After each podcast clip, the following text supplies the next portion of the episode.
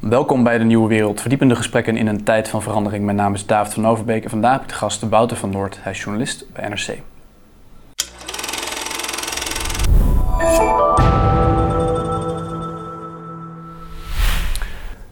Dag Wouter, goedemiddag. Hoi.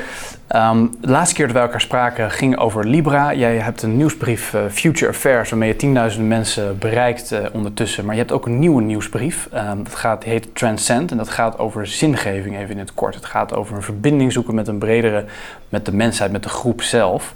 Um, daar gaan we het vandaag over hebben. We gaan het ook hebben over de journalistiek, over de rol van de media. En ook in de coronacrisis uh, die we nu, waar we nu middenin zitten natuurlijk nog. In het staartje, hopelijk althans. eerst maar eens even de vraag...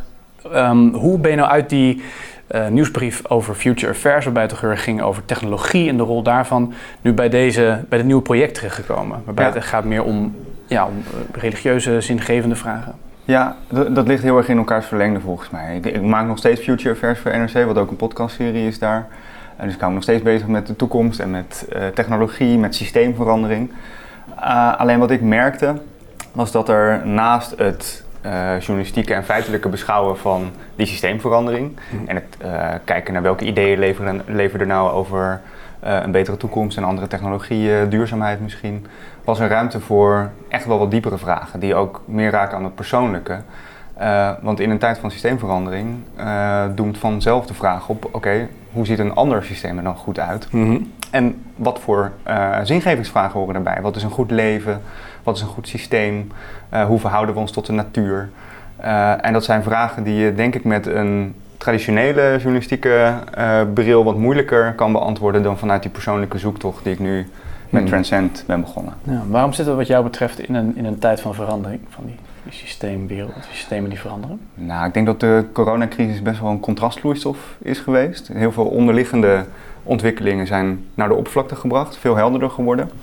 En in die contrasten daar is duidelijk wat systeemfalen naar boven gekomen. Ik denk dat zeker in Nederland en veel andere westerse landen we best wel ons zelfbeeld hebben moeten bijstellen. En dat uh, nou ja, onderliggende verhalen over hoe een samenleving functioneert, wat een goede economie is, uh, behoorlijk onder druk zijn komen te staan. Dus dat levert een soort vacuüm op van verhalen en dus ook ruimte voor nieuwe verhalen. en als je die nieuwe verhalen wil gaan uitpluizen, wil uitzoeken, volgens mij moet je dan echt bij de, op de bodem beginnen. Want ja, je kunt het wel hebben over purpose en al die modewoorden, maar als je niet een paar laagjes dieper graaft over welke denkbeelden eronder dat, die purpose zitten en uh, welke filosofische vragen daaraan ten grondslag liggen, welke zingevende vragen daaraan ten grondslag liggen, ja, mm-hmm. dan kom je niet zo heel snel verder, denk ik. Als jij wat dieper graaft, wat, wat zie jij dan zo globaal? Turbulentie, kanteling. Uh, ik vind het wel mooi hoe jullie uh, kanaal voorheen hadden genoemd, voor de ommekeer. Uh, ik denk dat uh, je dat woordje voor de wel weg kunt halen. Ik denk dat uh, inmiddels uh, zoveel aan het schuiven is geraakt dat nou ja, er behoorlijk wat turbulentie voor ons ligt. Ja. het voelt ook een beetje als een vacuüm, merk ik. Dat, ehm, je merkt dat het oude niet meer goed functioneert op allerlei fronten. Uh, maar dat het nieuwe ook nog niet helemaal klaar is voor de spotlight om uh, het stokje over te nemen. Hmm. En dat doet toch ook wel wat denken. Ik heb ook voor NRC wel met, met historici gesproken, bijvoorbeeld over de, de Roaring Twenties, de periode na de vorige grote uh, pandemie van de Spaanse griep. Waarin dat ook gebeurde, waar, waarin er ook een vacuüm van ideeën ontstond, een, een ideeënstrijd. dat was een periode waarin nou ja, we herinneren uh, ons als een periode van feesten en drugs en seks en rock and roll. Mm. Maar het was een periode waarin uh, jazz werd uitgevonden, waarin het surrealisme opkwam, mm. uh, waarin geëxperimenteerd werd met wilde ideeën zoals vrouwenkiesrecht. Mm. Ehm, echt een periode van herbezinning en nou ja, het, het, formuleren van de mo moderniteit. En ja. ik kan me niet aan de indruk onttrekken dat we nu in een vergelijkbare fase zitten, dat die moderniteit uh, in ieder geval de, de neoliberale variant daarvan onder druk staat, instabiel is. Die bovenstroom die wiebelt hm. en er komen allerlei onderstromen op. En uh, in die tijd van onderstroom is het dus ook interessant om weer eens naar wat diepere vragen te luisteren. Ja, nou valt mij op als ik uh, jouw nieuwsbrief, die volg ik zelf ook. En um, dan valt me op dat jij inderdaad in die onderstroom een aantal uh, ja, duidelijke thema's als het ware ziet. Hè? Een aantal grote ontwikkelingen die, die nog wat meer onderbelicht bleven. En die jij probeert aan de oppervlakte of in ieder geval te laten zien van jongens, dit is er gaande. Ja. Kan je eens een, um, een aantal van die ontwikkelingen... Ja, ik heb natuurlijk geen glazen bol. Ik heb, ik heb inmiddels met Future Affairs ongeveer 20.000 lezers die mij ook heel erg voeden. Het is een community waar mensen ook aanhaken en hmm. Eigen ideeën uh, kunnen aandragen. Uh, Startups, uh, mensen die boeken schrijven, mensen die een beetje contraire wetenschappers zitten er veel bij. Dus de, op die manier probeer ik te kijken, hey, wat zit er nou, wat broeit er nou in die onderstromen op en waar zijn nou die eerste zaadjes van het nieuwe verhaal te zien. Hmm. Um, en één thema viel mij de laatste tijd heel erg op. ik weet niet wat je, of jij weet wat mycelium is. Dat heeft met uh, schimmels te maken, toch? Ja. En met paddenstoelen en dergelijke. Precies. Ja, mycelium is het ondergrondse netwerk van schimmels waaruit paddenstoelen groeien. Ja. Uh, je kunt het het beste vergelijken met dat schimmels zijn de appels die uit de boom van het mycelium groeien. Mycelium is het internet van de natuur. bomen communiceren met elkaar via dat mycelium. Mm -hmm. het heeft allerlei hele bijzondere eigenschappen zoals brandwerendheid, waterafstotendheid, bacterie. bacteriën doodt het. En ineens, bedoel, dat is helemaal niet nieuw. Uh, dat zit al uh, honderden miljoenen jaren in de grond en al tientallen, of wat is het, hoe lang bestaat de mensheid? Al sinds het begin onder onze voeten. Aha. Alleen nu is er ineens sprake van een soort bizarre herontdekking van dat mycelium als bouwmateriaal. Uh, allerlei start-ups zijn ermee aan het experimenteren om bijvoorbeeld levende materialen te maken. modebedrijven maken er vegan leer van. Uh, er verschijnen allemaal boeken over het internet van de natuur en Entangled Life.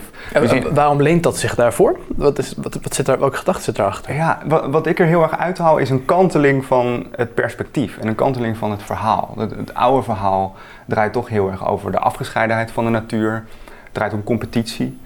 Uh, draait om uh, ook super, superioriteit boven de natuur van de mensen. En nu dat oude verhaal aan het wiebelen is, blijkbaar gebeurt er iets waardoor we weer naar beneden kijken. Hm.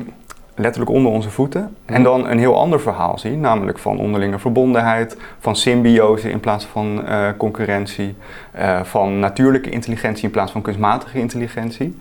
Uh, die evolutie heeft natuurlijk in honderden miljoenen jaren veel meer intelligentie voortgebracht dan wij in ieder geval in deze generatie kunnen, kunnen bijbenen. Hm. Um, dus wat ik zo interessant vind, is dat iets wat al zo lang er is, ineens helemaal in het spotlight is gekomen. En dat dat misschien ook wel een teken is van toch een ander verhaal wat op aan het borrelen is. En ik bedoel, het is niet het enige verhaal hoor. Je hoeft, je hoeft maar uh, internet te openen en je ziet de ideeënstrijd van heel andere verhalen die helemaal niet per se draaien om symbiose en connectie en verbondenheid en natuurlijkheid. Uh, maar iets van dat nieuwe verhaal van regeneratie in plaats van exploitatie van de natuur, ja. um, dat zie je wel heel veel uh, opborrelen nu. Hmm. Welke, welke, andere dingen zie je nog meer gebeuren? Dat, het andere wat ik zie is een beetje meer meta. Uh, dat is die ideeënoorlog. En die manifesteert zich heel erg op internet nu natuurlijk. Zeker nu we alles via schermen doen uh, sinds de pandemie. Mm-hmm. en je ziet een soort meme oorlog, een meme, ook reële meme-economie wel ontstaan. Van mm. allerlei alternatieve verhalen, ook die complottheorieën, dat zijn natuurlijk niet per se theorieën over feiten, maar dat zijn theorieën over verhalen, over machtsverhoudingen, over wat rechtvaardig is, wie er onderdrukt wordt, wie er onderdrukten zijn. Ja. Um, en je ziet dat die online memes, die online verhalen, ook steeds meer zeggenschap krijgen, meer zeggenskracht krijgen in de echte wereld. Dat je, uh, een mooi recent voorbeeld uh, is Elon Musk, uh, die met zijn Dogecoin uh, ja, eigenlijk een beetje een de boer is eigenlijk beheerst ongeveer. Ja, ja. Dogecoin eigenlijk als een soort bullshit cryptovaluta bedacht. Echt als uh, een meme van kijk eens hoeveel rare cryptovaluta's er wel niet zijn. En mm -hmm. wij voegen er nog eentje aan toe. Technisch heel weinig toepassingen, niet heel bruikbaar voor dingen. Maar uh, die cryptovaluta is het laatste jaar door Elon Musk, door het verspreiden van allerlei memes en verhalen over die Dogecoin, helemaal gehyped. Ja. Waardoor de koers enorm steeg. En nu is die koers zo hoog dat Elon Musk onlangs heeft aangekondigd dat hij er een maanmissie mee gaat financieren. Dus wat dan begint als een online grapje en een, en een meme, ja. dat manifesteert zich echt in de, in de reële wereld, in de reële economie. En dat zie je ook op die, in die Reddit groepen die uh, nu massaal uh, aandelen kopen zoals GameStop. Mhm, ja, dat was een tijdje geleden ook in dat gesprek hierover gehad met Anna Grebenchikova. Um, een analiste uit, uit, Londen die inderdaad... Uh, ja, dat GameStop, daar zie je dat, dat, dat de invloed van uh, van dit soort uh, Reddits en uh, de Wall Street Bets en dat soort online fora inderdaad steeds meer ook de reële economie en de, in, de, in, de, in de echte wereld, om het maar dat onderscheid aan te brengen. Ja, en dat is, dat is natuurlijk ook niet per se nieuw. Hè? We, zijn, we zien dit al heel lang in de politiek, hoe memes zich manifesteren op de stoepen van het kapitool, om, om een voorbeeld te noemen. Maar het is nu gedemocratiseerd in zekere zin. Het is gedemocratiseerd. En, en dit is een beetje natte vingerwerk hoor, maar het, het is ook misschien wel een teken van die leegte van verhalen. Dat, dat er zo behoefte is aan gedeelde mythes, gedeelde verhalen. Uh, cryptovaluta's passen daar natuurlijk ook heel goed in. Een ander verhaal over een financieel stelsel, een, een maatschappelijk systeem. Ja. Een wereld zonder banken en zonder, zonder overheden die de dienst uitmaken. Dus ja.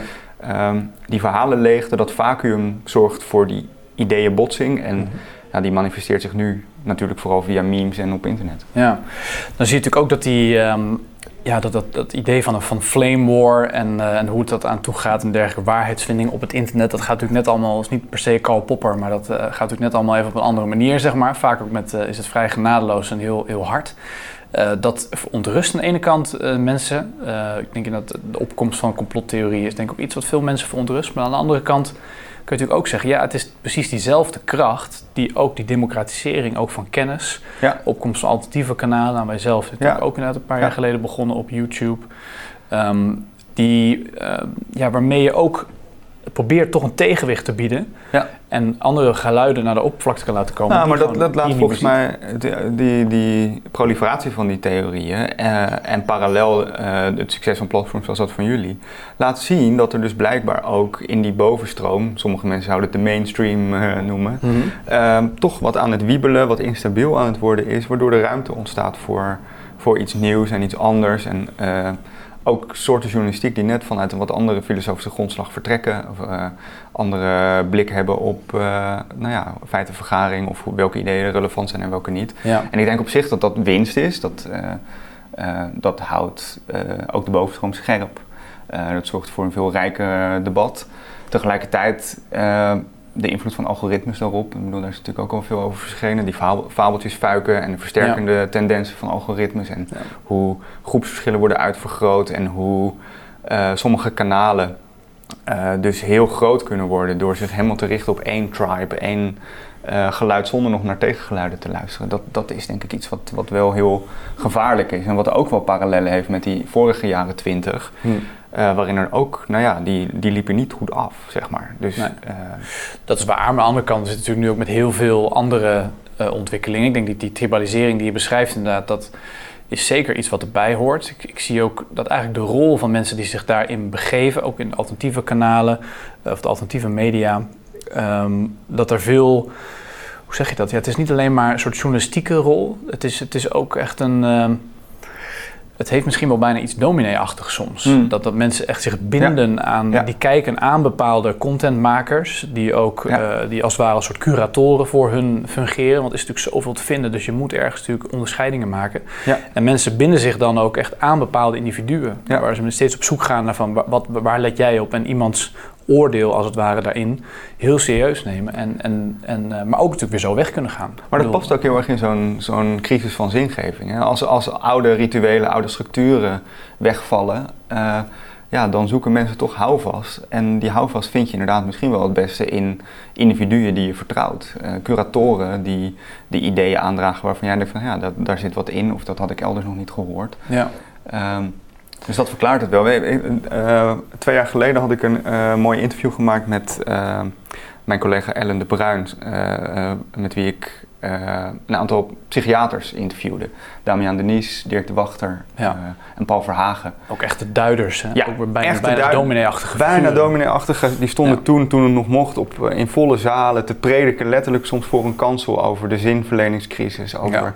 de antwoorden daarop, over de noodzaak van lijden. Over goed omgaan met lijden. Heel, heel uh, traditioneel religieuze thema's eigenlijk. Mm.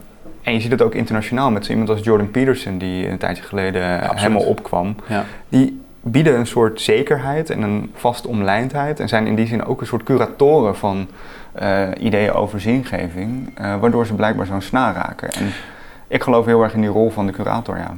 En waarom zou dat zijn wat jou betreft, want je had het ook over de ideeënstrijd, hè? En waarom ehm, lijken mensen zich meer aan personen te binden nu dan rondom ideeën?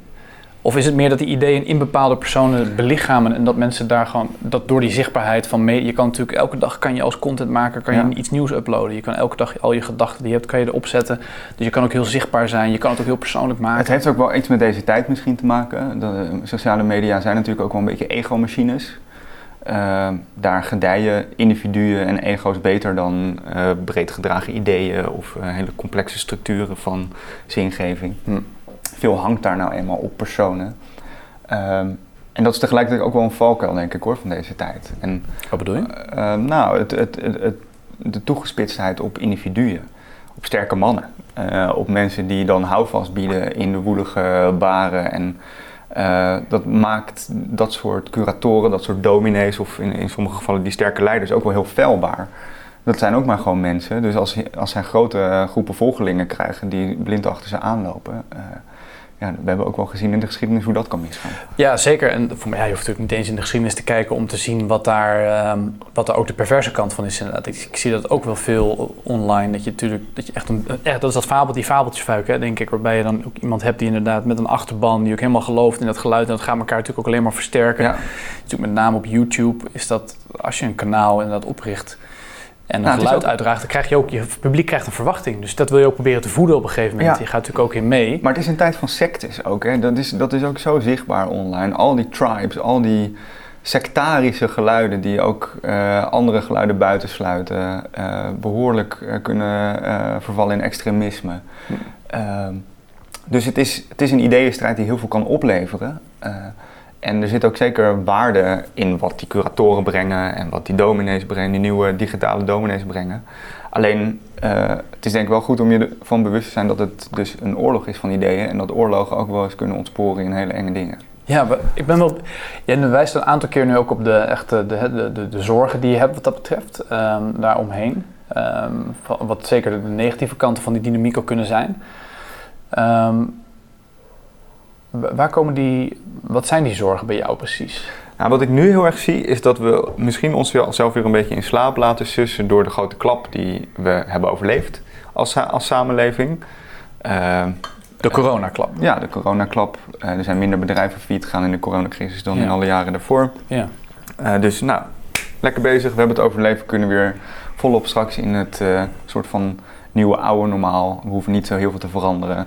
En we kunnen gewoon door op deze manier. Maar volgens mij miskennen we dan dat een heel deel van het oude systeem met allerlei kunst en vliegwerk omhoog is gehouden. Soms letterlijk omhoog in de lucht is gehouden, zoals KLM. Hmm. Dat soort bedrijven, bedrijven als Booking.com die er dan uh, misbruik van maken. Hmm. Volgens mij zijn dat symptomen dat uh, dat oude systeem, wat misschien eigenlijk voor een deel meer had moeten afbrokkelen door zo'n schok, nog staat. Ja. En dat dat oude fossiele systeem misschien ook wel vernieuwing tegengaat. En nou ja, in zo'n uh, ideeënstrijd heb je vernieuwing nodig, heb je zuurstof nodig ook voor nieuwe ideeën. En uh, daar kan het misschien wel aan ontbreken, waardoor nou ja, die turbulentie op termijn uh, alleen maar wordt uitgesteld eigenlijk. En dat de echte klap dus nog moet komen. Ja, nou daarmee zou ik in mijn eigen woorden zeggen, onderschrijf je ook een beetje de, hè, dus die, de stellingname van bijvoorbeeld zo'n Damien de Nies of een Dirk de Wachter, die inderdaad ook wijzen op, op verschillende facetten natuurlijk, maar waar het grosso modo op neerkomt is een soort zingevingscrisis, een leegte van het een individualistisch consumentisme als het ware. Ja. En jij maakt je zorgen dat we dit moment niet aangrijpen om daar verandering in aan te brengen. Kijk, je ziet in die onderstroom wel duidelijk verschuivingen. Alleen al uh, dat regeneratieve denken in plaats van het extractieve denken, dat is echt in opkomst. Nog niet in de mainstream, maar dat is echt in, uh, in een exponentieel tempo aan het ontwikkelen. Dus dat is op zich heel veelbelovend. Mm -hmm iets waar ik met een beetje gemeene gevoelens naar kijk, maar ook wel met veel interesse, is bijvoorbeeld de beweging rondom psychedelica. Uh, er is bijna geen millennial meer bij een bank of verzekeraar die niet een keertje een ayahuasca Beetje microdose, uh, ayahuasca, ja, ja, ja. Bij startups allemaal microdosing. Uh, op de beurs is het een hype. In onderzoek is er een soort renaissance van onderzoek naar psychedelica en de effecten op uh, depressies en, en, mentale gesteldheid. Ehm, ik vind het heel interessant omdat het middelen zijn die je letterlijk in een ander bewustzijn kunnen brengen. En dus misschien voor veel mensen net een poortje kunnen openen. Die, de Doors of Perception van Aldous Huxley naar de noodzaak van, van systeemverandering. Hmm. Het biedt blijkbaar ook mensen houvast in die rituelen. Ik bedoel, dat je met een shamaan al chantend eh, en eh, eh, in een groep in een bepaald ritueel ayahuasca gebruikt. En helemaal omkleed met nou ja, bijna neo-shamanistische rituelen en ideeën. Laat wel zien hoe hongerig veel mensen zijn naar, naar dat soort structuren. En misschien kunnen dat soort rituelen weer eh, een soort van nieuwe zingeving bieden. Ja. Maar het zegt ook wel iets over deze tijd, dat er dus blijkbaar zo'n paardenmiddel nodig is om die geest te openen, om Ja. uit die structuren te breken, om die patronen los te laten. Dan heb ik ook wel een beetje het idee dat als je dat, de verhalen hoort over dat, ik heb een beetje van dichtbij meegemaakt, inderdaad bij Durf Kapitaal, dat dan daar wordt gemicrodosed. Dat wordt natuurlijk ook heel erg in, in, juist in die orde ondergebracht waar je nu juist je zorgen om maakt. Want het wordt heel erg ingezet als een instrument om Als quick op- fix. ja, als quick fix, maar ook als, als om creatieve ideeën te komen die dan vervolgens weer uitgewerkt kunnen worden. Ja, maar ik ben op zich wel daar weer vrij optimistisch over. Ik heb daar laatst ook een serie artikelen over gemaakt voor NRC. Veel mensen gesproken in het onderzoek. Mensen die het gebruiken, mensen die ook naar die ceremonies gaan. Mensen die eh, eh, gewoon er middenin zitten. En wat daar opvalt is eh, één rode draad door wat mensen zeggen die die middelen hebben gebruikt. eh, is dat ze echt een diepere verbondenheid voelen met de natuur. En dat blijkt ook uit allerlei studies dat na psychedelica gebruik mensen echt blijvend andere opvattingen hebben over hun verhouding tot de natuur. Dat ze meer verbondenheid voelen met anderen, meer verbondenheid voelen met hun eigen emoties en, en innerlijke leven. Hm. Eh, en is- ik zit hier niet reclame te maken om allemaal lekker aan de ayahuasca te gaan, maar Ik denk dat Er mensen is- nu wel heel erg overtuigd zijn. Nu. Nou, ja, ik zou nog even wachten. Maar eh, Ayahuasca er is overigens wel eh, heel heftig. Hè? Dat is wel even wat ja, anders ik dan heb het nooit gedaan, maar eh, ja. het, het is, schijnt heel heftig te zijn. Maar eh, de, de renaissance in het onderzoek ernaar zorgt voor een groeiende literatuur dat er wel degelijk ook eh, nou ja, best positieve effecten zijn te verwachten. Als veel mensen die middelen gaan gebruiken, dat we dan misschien daadwerkelijk in een wat hoger bewustzijnsniveau terecht kunnen komen. Ja. Eh, tegelijkertijd zie je dat de, bedoel, die beloftes ook niet nieuw zijn. Die waren natuurlijk in de jaren 70 ook volop. Eh, rondom de New Age en eh, de, de Ja. eh, Summer of Love. Nou, daar waren ze ook niet vies van een, een En zie maar wat er met, met de babyboomers boomers toen is gebeurd. Toen ze eenmaal nou ja, dat is... uit hun twintiger jaren zijn gekomen. Toen moesten ze toch aan het werk. Ja, nou ja, en die jaren 70 eh, van, na de Summer of Love, die eindigde in de jaren 80 van Greed is Good and No, no Future. Dus Ja, ehm, een new wave. ook daar weer niet al te groot optimisme en niet al te blinde naïviteit of zo. Maar je ziet in ieder geval in de onderstroom wel weer vergelijkbare nou ja, bewegingen op gang komen als in de jaren 20 van de vorige eeuw, als in de jaren 60, 70 van de vorige eeuw. Ehm, ook bewegingen die ontstonden in een tijd van omwentelingen, in een tijd waarin oude structuren niet meer eh, goed werkten, waarin oude zingevingsverhalen niet meer goed werkten. Ja. Ehm, waarin ook de oude ideeën hadden gefaald op het slagveld. Nou ja, als je corona in de, in de strijdenmetafoor en in de oorlogsmetafoor wil gooien, dan hebben de heersende verhalen toch ook best wel op dit huidige slagveld voor een deel gefaald. Hoe, hoe houdt, eh, verhoudt die, die psychedelica en die microdosing zich nou tot die, eh, tot die, die zingevingsthematiek, tot die de, de zingevingscrisis, wat jou betreft? Nou, het is een, een, een zoektocht naar die zingeving die, die eindigt voor veel mensen, of misschien begint die voor veel mensen bij zo'n trip. Maar omdat het, Eh. misschien het, omdat het individu niet genoeg is, omdat je aan jezelf, dat mensen te merken dat ze te veel in zichzelf opgesloten zitten, dat ze te atomair leven. Of hoe, wat, Wie weet. wat- ja, kijk, wat, wat, wat psychedelica doen, als je de literatuur erop naslaat, is dat ze met name eh, patronen doorbreken. Dus patronen in je hoofd en patronen in je gedrag. En Hm. eh, vastgesleten paadjes in je hoofd, dat die die weer vrijmaken, zodat je weer eh, vers kunt denken. En zodat je ook weer op een andere manier je kunt verbinden tot anderen en de natuur. Oké. Ehm, en die belofte, nou ja, dat, het is niet zo gek dat die aanslaat, denk ik. Omdat veel mensen, eh, dat blijkt uit alle burn-out cijfers en eh, die zingevingscrisis waar die psychiaters het over hebben, blijkbaar vastzitten in bepaalde patronen waarvan ze wel aanvoelen dat het niet lekker loopt. Dat het schade oplevert voor zichzelf, voor anderen, voor de natuur. Ja. Eh, en dat we toch massaal een beetje zoeken naar uitwegen. En dit is dan een hele makkelijke, snelle uitweg eh, die misschien wat verlichting kan bieden. Hmm, nou, ik vind wel, ik zit- zie ook een lijntje denk ik met, ehm, ehm, ja, als je het hebt over, over, die, over, ja, over die oude patronen inderdaad. Hè. Je begon natuurlijk ook al net te spreken over ehm, dat we in een, nu in een moment van, van kanteling zitten waarbij we wel enigst, we weten niet precies wat het nieuwe verhaal gaat worden, maar we zijn heel erg op zoek naar nieuwe verhalen. Ja. We weten in ieder geval wel dat het oude idee, de oude systemen Ehm, of je dat nou de neoliberale eh, systeemwereld noemt of de, de atomaire samenleving, dat dat in ieder geval ehm, voor veel mensen heeft dat niet meer een soort spirituele lading waarmee ze de wereld ingaan en waarmee ze een, leven kunnen leiden. Nee. Ehm, dus dat, dat, verliest dan zijn zingeving, letterlijk zijn aantrekkingskracht, zijn aansprekelijkheid. Ja.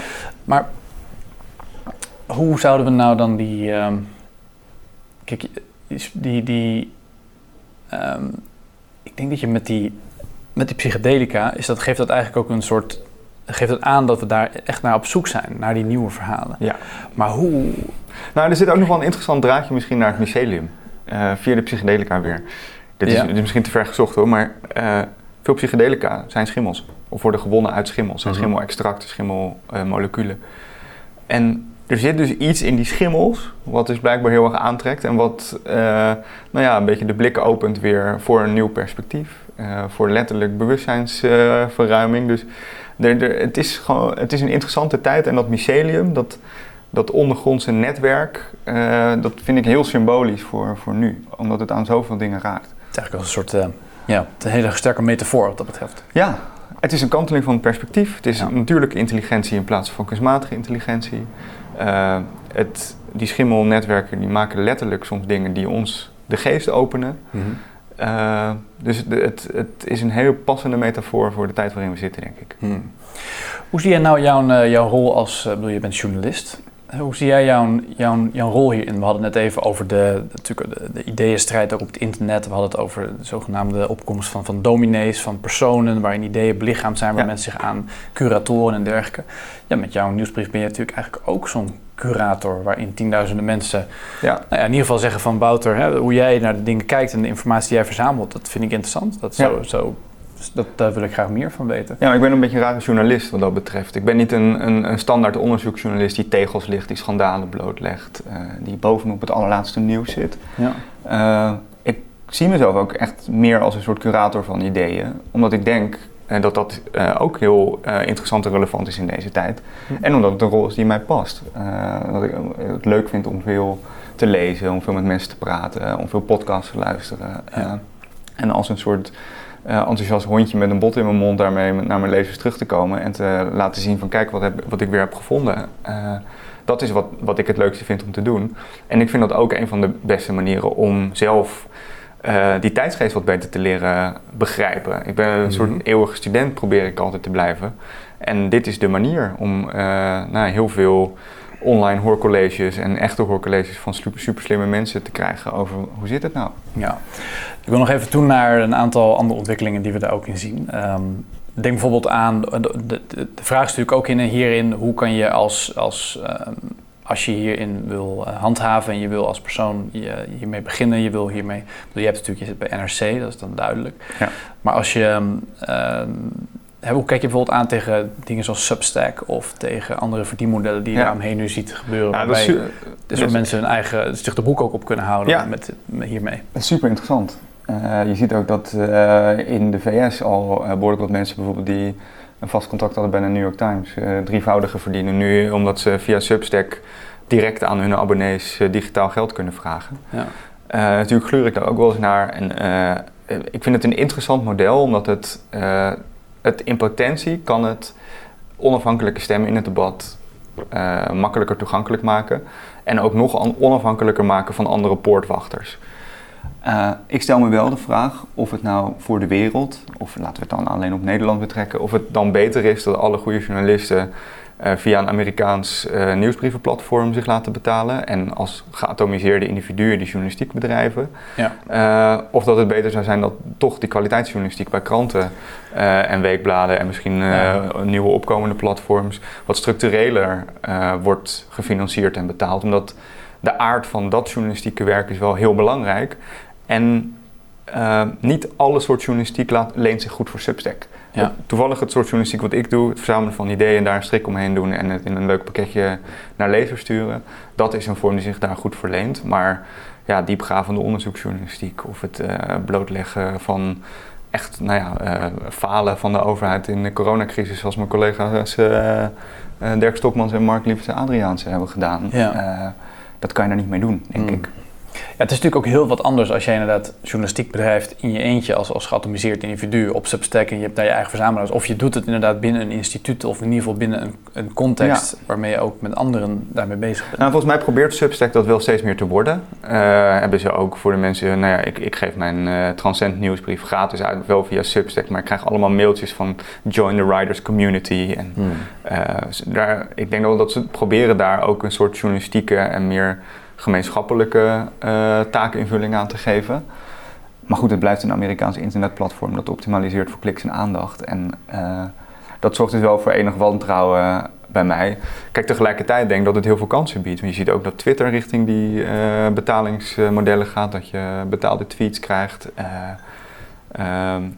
Spotify gaat inzetten op betaalde podcasts. Dus dat maakt de mogelijkheden voor individuele makers, onafhankelijke denkers natuurlijk wel veel groter dan, dan dat ze ooit zijn geweest. En dat lijkt me op zich winst. Als je mensen ziet in de VS zoals Sam Harris of zo. Nou ja, doe mij honderd Sam Harrissen die allemaal via Substack en uh, betaalde podcasts hun ideeën aanbieden. Ja. En ik ben erbij. Ja, dat lijkt je wel wat. Ja, nou ja, in ieder geval voor mijn type informatiedieet zou dat heel goed zijn. Ja. Wederom, voor het echte het controlerende werk van de onderzoeksjournalist is het minder bruikbaar. Hmm.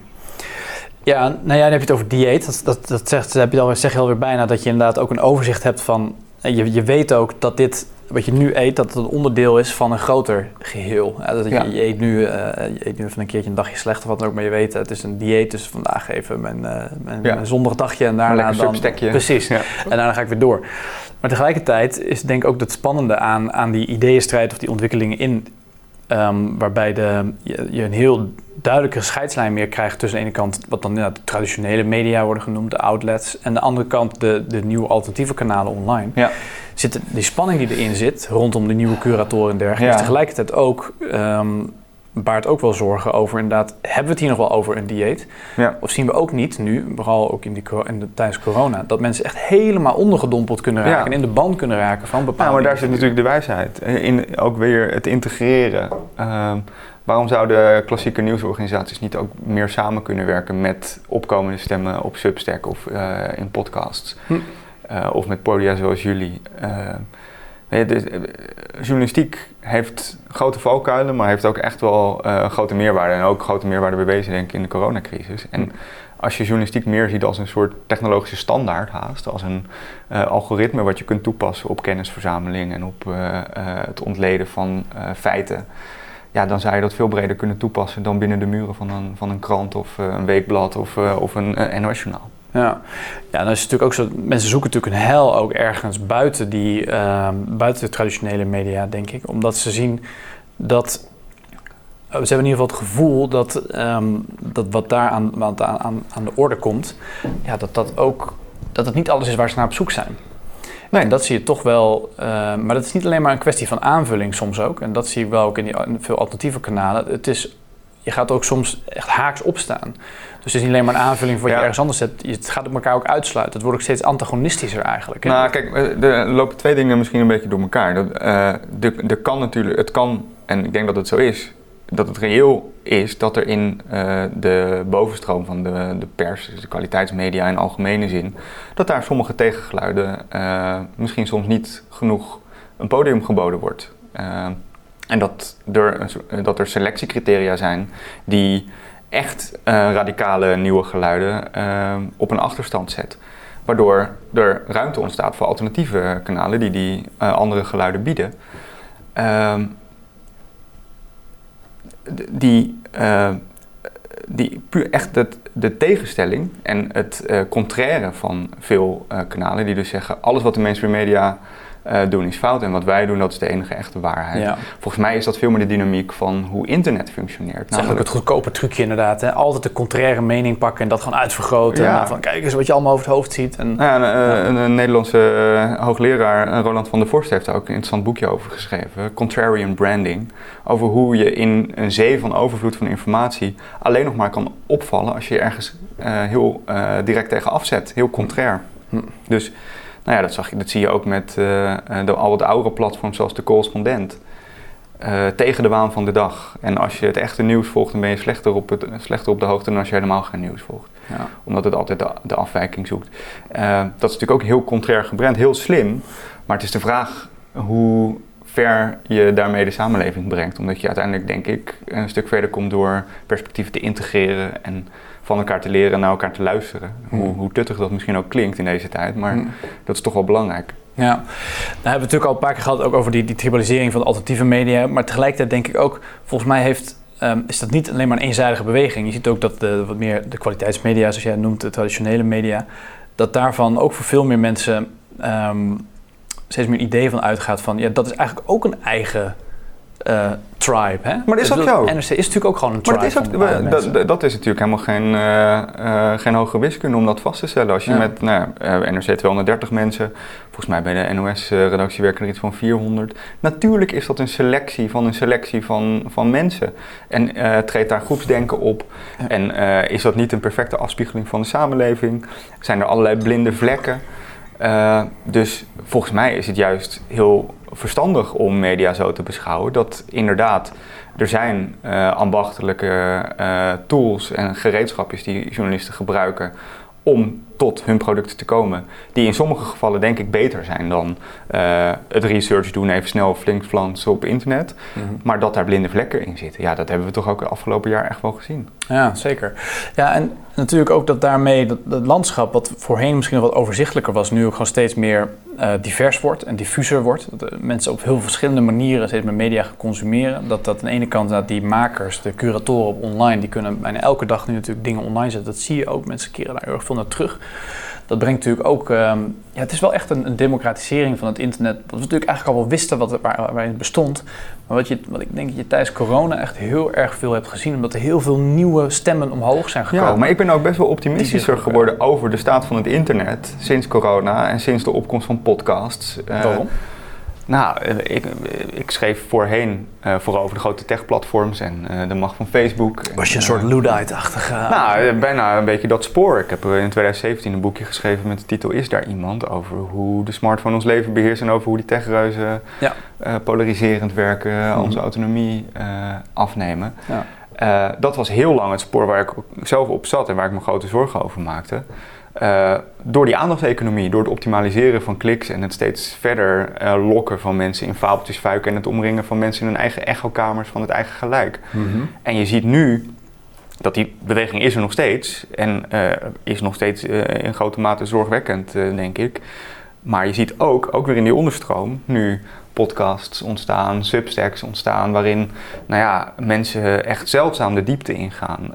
waarbij je nou, gewoon letterlijk elke week met de slimste denkers van de wereld uh, kan aanzitten om uh, eventjes de wereld te analyseren en andere geluiden te horen dan die in de New York Times of in de NRC staan. En dat lijkt mij pure winst. Ja, nou wordt het natuurlijk een stuk interessanter als, als dit soort thema's, als het zo een beetje um, echt afgebakend is, zoals je noemt dat, als je als maker presenteert en dat je nou, een soort curator bent of de rol die jij jezelf uh, toedicht, je zegt als een soort blij hond, dan kom ik terug bij mijn lezers en dan heb ik een aantal mooie nieuwe dingen voor ze en ik luister ook weer naar hen en dan neem ik weer mee terug, zeg maar.